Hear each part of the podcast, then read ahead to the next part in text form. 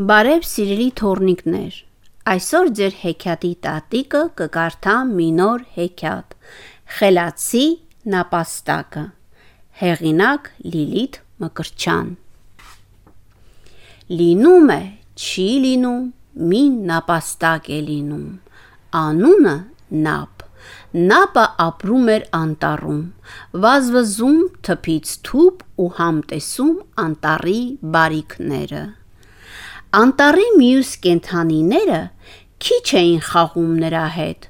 որովհետև նա սովորաբար այս կամ այն ծառի տակ նստած գիրք էր կարդում։ Երբեմն անտառի կենդանիները սկյուռը, մկնիկը, փշոտ ոզնին ու կույր բուն ծաղրում էին նրան երգելով. Նապաստակ, նապաստակ, բավ է կարդաս դու հեքիաթ, գիրք ես թերթում շարունակ, օրդ վատնում աննպատակ, արի գնանք անտառը, տեսնենք մեր գլխի ճարը, գազար կաղամ գողանանք, ուտենք մի լավ չաղանանք։ Թողեք գիտունիկը գիր կարդա, փնփնթում էր քնկոտ արջը։ Նապը կարդում էր ամեն ինչի մասին, բայց ավելի շատ անտառում աճող բույսերի մասին։ Բոլորը նրան ճանաչում էին որպես սնկերի մեծ գիտակ։ Ամբողջ անտառում միայն Նապը կարող էր ասել, թե որ սունկը կարելի է ուտել, իսկ որը ոչ։ Աշնան արևոտ մի օր կենդանիների արքա առյուծը պատահաբար թունավոր սունկ կերավ ու շատ վատացավ։ Խորամանկ աղվեսը, սոված գայլն ու ծուրթատ արջը ոչ մի կերպ չկարողացան օգնել արքային ու ստիպված դիմեցին Նապին։ Հիմա Ժամանակն է մեզ ցույց տաս, թե ինչեր է սովորել գրքերից, ասաց աղվեսը ու խորամանկ նայեց նապին։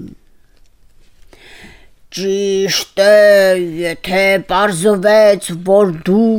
գիր կարդալով ոչինչ չես հասկացել, ապա պետք է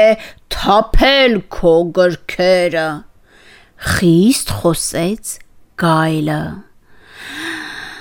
Վրա մի տվեք, թողեք հանգիստ մտածի, ծանր ասաց արջը։ Հիմա, հիմա ամեն ինչ կանեմ, իրար անցավ նապը։ Դուք միայն ցույց տվեք, թե որ սնկից է կերել մեր արքան։ Կենթանիները գրքի նկարներում գտան այդ սունկը։ Նապը արագ parzեց, թե ինչպես կարելի է օգնել արքային։ Ու սկսեց բուժել։ Շուտով արքան ամբողջովին լավացավ, եւ բոլոր կենթանիները հասկացան, որ գիրք կարդալը շատ կարեւոր բան է։ Հիմա բոլորս մեր նապի համար գրադարան պետք է կառուցենք, հրամայեց առյուծ արքան։ Այդ օրվանից անտառը ունեցավ մեծ գրադարան, որից օգտվում էին բոլորը։ Կարդաց Մարա Բաբոն